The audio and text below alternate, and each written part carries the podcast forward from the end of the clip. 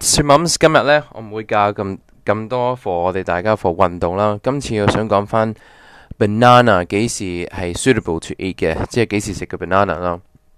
咁你见到左边嗰幅图呢，系绿色嘅，咁绿色 really green 呢，其实 is good for prebiotics 啦。OK，prebiotics 即系原来 for 我哋细菌个肚肚啊有 prebiotics 嘅，咁就我哋有 good bacteria 叫做 prebiotics。OK。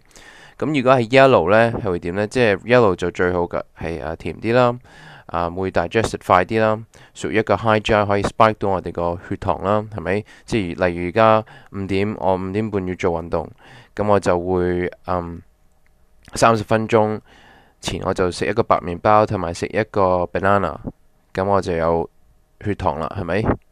入到血糖我先可以 burn 到 fat 噶嘛。咁就係啦，俾大家知道喺呢個方面，如果係。一路咧，咁就最好嘅。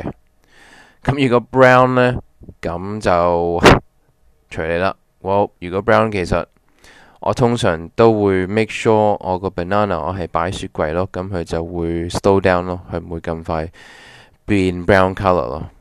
yeah，想想俾一個啊 tips 俾大家就係原 o banana 系超级 nutrition 啦 n u t r i t i o n i s t 啦